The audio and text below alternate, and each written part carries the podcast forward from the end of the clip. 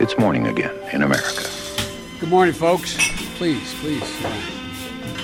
Come on, let's go. Let's go get some coffee. Thank you very much. Det er onsdag 12. august, det er 83 dager igjen til presidentvalget, og morgenkaffen er servert.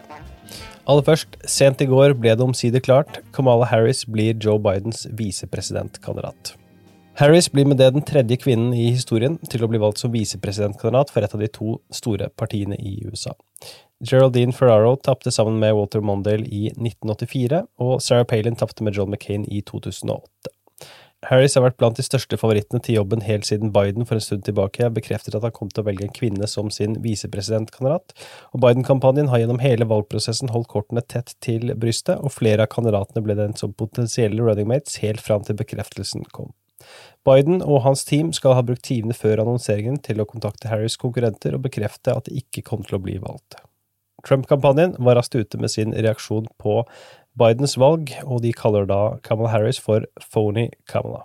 Kamala Harris ran for president by rushing to the radical left, embracing Bernie's plan for socialized medicine, calling for trillions in new taxes, attacking Joe Biden for racist policies. Voters rejected Harris. They smartly spotted a phony. But not Joe Biden. He's not that smart. Biden calls himself a transition candidate. He is handing over the reins to Kamala while they jointly embrace the radical left. Slow Joe and phony Kamala. Perfect together. Wrong for America. Vi har mye mer om det her i en eh, spesial av 2020 som ligger i podkastspilleren så sjekk den etterpå. Dagens andre sak. Tirsdag offentliggjorde Demokratenes nasjonale komité et dryss av talere til partiets kommende landsmøte, som går av stabelen mandag til torsdag neste uke. Av navnene som er bekreftet, finner vi blant annet republikanernes tidligere Ohio-guvernør John Kasich, som stilte som kandidat i 2016, Michelle og Barack Obama, Bill og Hillary Clinton, i tillegg til flere av Bidens tidligere konkurrenter i den demokratiske nominasjonskampen. På onsdagen er det satt av en egen bolk med taletid til visepresidentkandidat Kamala Harris.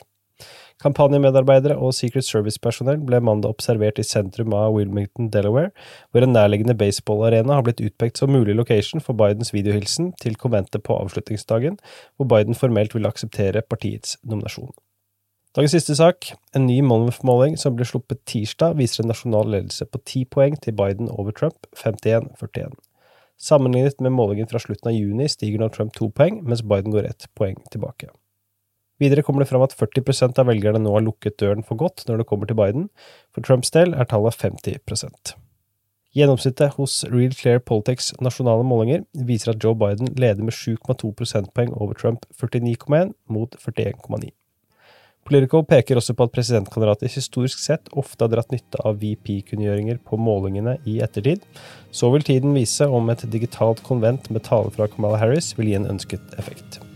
Dagens utgave av Morgenkaffen er servert av Henrik Skotte og undertegnede Are Togoklaten. Som sagt, sjekk 2020, snakker vi mye mer om Bidens valg av Harris.